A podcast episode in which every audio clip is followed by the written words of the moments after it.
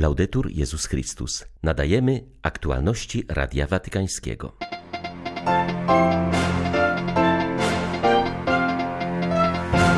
W Watykanie zaprezentowano papieskie orędzie na Światowy Dzień Pokoju. Dialog międzypokoleniowy, edukacja i praca to główne narzędzia, które proponuje Franciszek, by przywrócić zgodne współistnienie między narodami. Ursula von der Leyen napisała do papieża list, w którym zapewnia, że Unia Europejska szanuje religijne dziedzictwo Starego Kontynentu. Pogarsza się sytuacja chrześcijan w Ziemi Świętej. Katolików z Gazy na kilka dni przed uroczystością Bożego Narodzenia odwiedził łaciński patriarcha Jerozolimy arcybiskup Pier Battista Pizzaballa. 21 grudnia witają Państwa ksiądz Krzysztof Ołdakowski i Łukasz Sośniak. Zapraszamy na serwis informacyjny. O drodze pokoju, która niestety wciąż pozostaje odległa od realnego życia, pisze Franciszek w przesłaniu na 55. Światowy Dzień Pokoju, który obchodzony będzie 1 stycznia. Ojciec Święty przypomina, że mimo prób konstruktywnego dialogu wciąż nasila się ogłuszający zgiełk wojen i konfliktów, a wydatki na cele wojskowe są obecnie najwyższe od czasów zimnej wojny. Jako narzędzia budowania trwałego pokoju papież proponuje dialog międzypokoleniowy, edukację i pracę. W swym przesłaniu Franciszek podkreśla, że na świecie nie tylko nasilają się wojny i konflikty, ale i postępują choroby o rozmiarach pandemii, pogłębiają się skutki zmian klimatycznych i degradacji środowiska, pogłębia się tragedia głodu i pragnienia. Papież zauważa, że dominuje model gospodarczy oparty na indywidualizmie, a nie na solidarnym dzieleniu się. Wskazując trzy drogi budowania pokoju, podkreśla, że w dialogu międzypokoleniowym wezwani jesteśmy do spulchniania twardej i jałowej gleby konfliktu i odrzucenia, aby uprawiać tam nasiona trwałego i wspólnego pokoju. Ojciec Święty przypomina, że możliwość wspólnego budowania dróg do pokoju nie może być oddzielona od edukacji i pracy. Pisząc o wzroście wydatków na zbrojenia i stałym ich zmniejszaniu na edukację, apeluje do rządzących o odwrócenie tej tendencji. Papież wskazuje, że pandemia COVID-19 pogorszyła znacząco sytuację w świecie pracy, narażając ludzi na różne formy niewolnictwa. Przypomina też, że aż jedna trzecia ludności świata w wieku produkcyjnym nie ma dostępu do systemu ochrony socjalnej. Reakcją na tę sytuację może być jedynie rozszerzenie możliwości godnej pracy. Praca jest bowiem podstawą, na której można budować sprawiedliwość i solidarność w każdej wspólnocie, pisze Ojciec Święty w przesłaniu na Światowy Dzień Pokoju. Ursula von der Leyen napisała do papieża list, w którym reaguje na jego krytykę pod adresem Unii Europejskiej. 6 grudnia podczas konferencji prasowej Franciszek odniósł się do dokumentu Komisji Europejskiej, który zalecał unikania odniesień do Bożego Narodzenia i imion, które kojarzą się z chrześcijaństwem. Papież przypomniał, że w przeszłości w ten sam sposób postępowali naziści i komuniści, jednakże ich działania nie odniosły skutku i jest to, jak stwierdził, anachronizm. Jak wynika z informacji uzyskanych przez francuski dziennik katolicki La Croix, Ursula von der Leyen przesłała do Franciszka krótki osobisty list. Zapewnia w nim, że zgodnie ze swymi traktatami Unia czerpie inspirację z dziedzictwa kulturowego, religijnego i humanistycznego Europy. Zdaniem niemieckiej polityk to właśnie dziedzictwo umożliwia świętowanie Bożego Narodzenia. Podkreśla, że tradycje religijne i kulturalne w Europie stanowią integralną część różnorodności, którą Komisja Europejska aktywnie promuje. Von der Leyen odnosi się również do drugiej krytyki papieża pod adresem Unii Europejskiej. Podczas spotkania z dziennikarzami Franciszek wezwał bowiem Unię, by wróciła do ideałów ojców.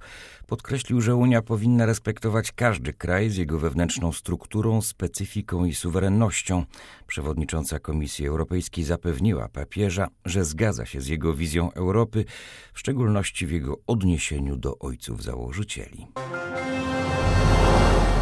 W oświadczeniu opublikowanym w Sunday Times arcybiskup Canterbury Justin Welby oraz Hossam Naum, arcybiskup anglikański w Jerozolimie, ostrzegli przed uzgodnionymi działaniami mającymi na celu wypędzenie chrześcijan z Ziemi Świętej. W te święta Nie romantyzujmy Ziemi Świętej. Chrześcijanie są w niej nieprzerwanie obecni od dwóch tysięcy lat. Dziś muszą stawić czoła próbom wyparcia ich przez skrajne, radykalne grupy, napisali anglikańscy duchowni. Według zwierzchników anglikańskich w czasie tegorocznych świąt Narodzenia Chrystusa konieczne jest dostrzeżenie dramatu chrześcijan Ziemi Świętej.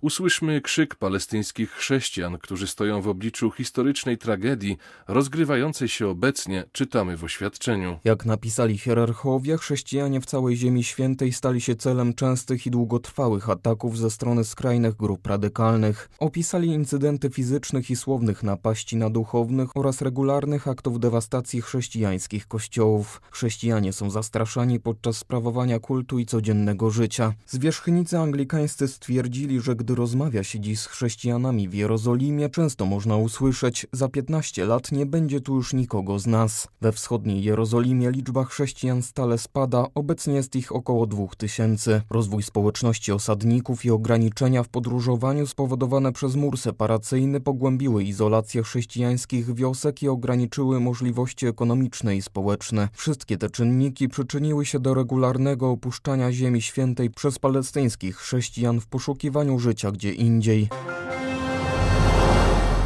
Kilka dni przed uroczystością Bożego Narodzenia chrześcijan żyjących w strefie gazy odwiedził łaciński patriarcha Jerozolimy arcybiskup Pier Battista Pizzabala. Od 13 lat żyją oni w izolacji narzuconej przez stronę izraelską, która nie pozwala im na swobodne przemieszczanie się. Patriarcha zapewnił chrześcijan w strefie gazy, że nie są sami i wezwał ich do odwagi pomimo zmęczenia i ran spowodowanych wojną.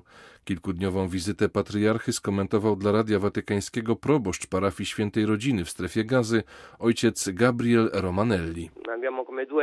Obchodzimy jakby podwójne Boże Narodzenie. To pierwsze z udziałem patriarchy, który dzięki Bogu mógł w tym roku przybyć. Odwiedził wiele rodzin, szkoły katolickie, różne formy działalności i celebrował z wyprzedzeniem msze uroczystości Narodzenia Pańskiego, mając także na względzie fakt, że większość chrześcijan zamieszkujących strefę gazy nie będzie mogła udać się do Betlejem w żaden ze świątecznych dni, niezależnie od tego, że Izrael rozpoczął wydawanie pozwoleń. Mieli udzielić ich 500, a do tej pory udzielili 245.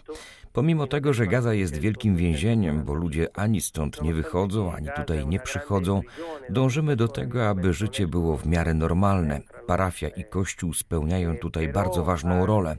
W Gazie żyje nieco ponad tysiąc chrześcijan. Katolików jest 134, jednak Kościół katolicki pracuje ze wszystkimi chrześcijanami, a także z niechrześcijanami. Jeśli chodzi o zmagania z COVID-19, wydaje się, że mieszkańcy Gazy są lepiej przygotowani od innych, ponieważ żyjąc w ciągłej sytuacji kryzysu, są bardziej przyzwyczajeni do przebywania w domu.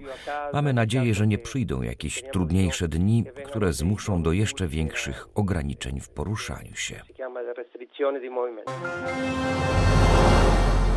Hinduscy jezuici walczą o ocalenie dobrego imienia ojca Stana Słamiego. Złożyli wniosek do Sądu Najwyższego w Bombaju o przeprowadzenie dochodzenia w sprawie jego kontrowersyjnego aresztowania i śmierci. 84-letni zakonnik został zatrzymany na podstawie drakońskiego prawa antyterrorystycznego i sfabrykowanych dowodów. Cierpiącego na chorobę Parkinsona i COVID-19 jezuitę przetrzymywano w fatalnym warunkach i nie zapewniono mu podstawowej opieki. Ostatecznie dzięki determinacji hinduskich jezuitów i wszczętej przez nich sądowej batalii udało się go przetransportować do katolickiego szpitala w Bombaju. Zmarł tam jako więzień po tym, jak odmówiono mu zwolnienia za kaucją z powodów zdrowotnych.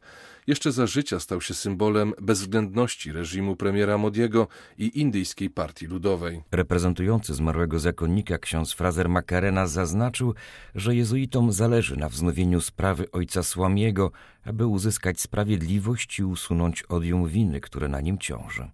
Podkreślił, że niedopuszczalne jest wstępne stwierdzenie winy, które zastosowano wobec zatrzymanego. Musi ono zostać odwołane w kolejnym postępowaniu Jezuita powołał się na orzeczenie Sądu Najwyższego, które stwierdza, że każdy oskarżony ma prawo do domniemania niewinności, dopóki nie zostanie wydany prawomocny wyrok. Ojciec Stansłami poświęcił swoje życie pomocy ubogim, był powszechnie szanowany za swoją pracę wobec marginalizowanej ludności plemiennej, którą wykonywał przez ponad 50 lat aż do swojego aresztowania. Zakonnika oskarżono o podżeganie do przemocy i współpracę z maoistowskimi rebeliantami, a także o próbę obalenia władzy. W rzeczywistości chodziło o jego sprzeciw wobec antyplemiennej polityki rządzącej indyjskiej partii ludowej. Azjatyccy biskupi określili ojca Słamiego męczennikiem zepchniętych na margines i współczesnym świętym ubogich Indii.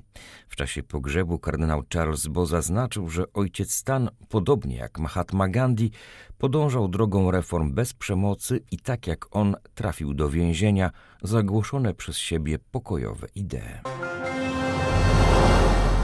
Chociaż 9 listopada 2020 roku udało się wynegocjować zawieszenie broni między Armenią i Azerbejdżanem, sytuacja między zwaśnionymi krajami jest daleka od stabilizacji i pokoju. Spośród 90 tysięcy uchodźców przesiedlonych w wyniku konfliktu, jedynie 25 tysiącom udało się wrócić do domu. Pomoc stara się im nieść papieskie stowarzyszenie pomoc Kościołowi w potrzebie. Organizacja pomocowa, która przybyła do Armenii w celu zorientowania się w możliwościach niesienia pomocy uchodźcom, opublikowała świadectwo Lidy, przesiedlonej Ormianki, która została zmuszona do opuszczenia górskiego Karabachu. Mieliśmy dobre życie w górskim Karabachu. Od wielu lat jestem wdową, ale dzięki pracy nauczycielki byłam w stanie utrzymać moich dwóch synów. Gwałtowna zmiana przyszła w zeszłym roku, kiedy moi dwaj synowie wyjechali, by wstąpić do wojska i walczyć. Zostałyśmy same z synową i małym dzieckiem, kiedy zaczęło się bombardowanie. Kiedy powiedziano nam, że musimy opuścić wioskę, zostaliśmy przewiezieni autobusem do Armenii. Miałyśmy ze sobą tylko walizkę, opowiedziała Lida. Aktualnie rodzina przebywa w Artaszat, małym miasteczku na skrzyżowaniu Armenii, Turcji i Azerbejdżanu. Ich mieszkanie jest skromnie umeblowane i posiada jedynie podstawowe wyposażenie zakupione na kredyt. Moi synowie walczyli na wojnie i przeżyli, ale starszy odniósł uraz, przez który nie może pracować. Utrata dachu nad głową i pracy, a tym samym środków do życia, przeżyta trauma wojenna, to wszystko dotknęło nie tylko Lidę i jej rodzinę, ale także tysiące innych, podaje stowarzyszenie. Przez pierwsze cztery miesiące pobytu w Armenii Lida otrzymywała pomoc od państwa. Obecnie wspierają papieska fundacja, która zapewnia jej i innym uchodźcom pomoc materialną, psychologiczną i duchową.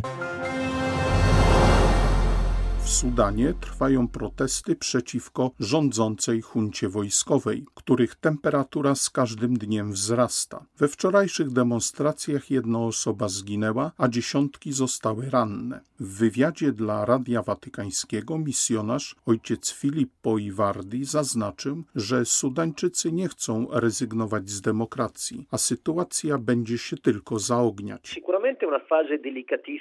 Jest to z pewnością bardzo delikatny etap w historii kraju. Ludność nie chce żadnego porozumienia z wojskiem i całkowicie odrzuca przywrócenie premiera Handoka.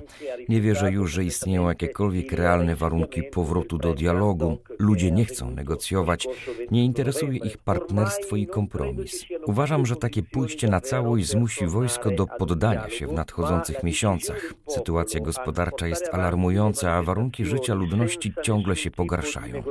W niektórych regionach brakuje żywności podstawowych towarów, gwałtownie wzrosły ceny paliw, rośnie też inflacja. Sytuacja społeczna jest więc naprawdę wybuchowa, a demonstracje nie ustają.